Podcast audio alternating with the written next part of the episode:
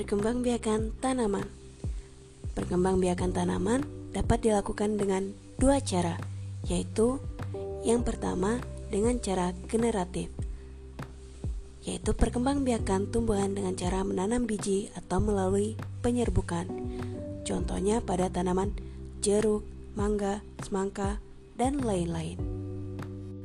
Sebagian besar tumbuhan berkembang biak dengan biji. Tumbuhan dewasa akan berbunga dan menghasilkan buah. Di dalam buah terdapat biji. Biji berkembang menjadi tanaman baru.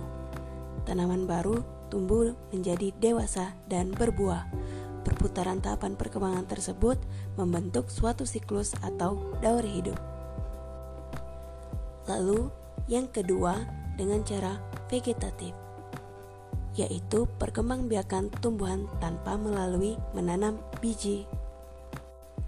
Perkembangbiakan vegetatif dapat dilakukan secara alami atau tanpa bantuan manusia dan juga dapat melalui cara buatan atau dengan bantuan manusia.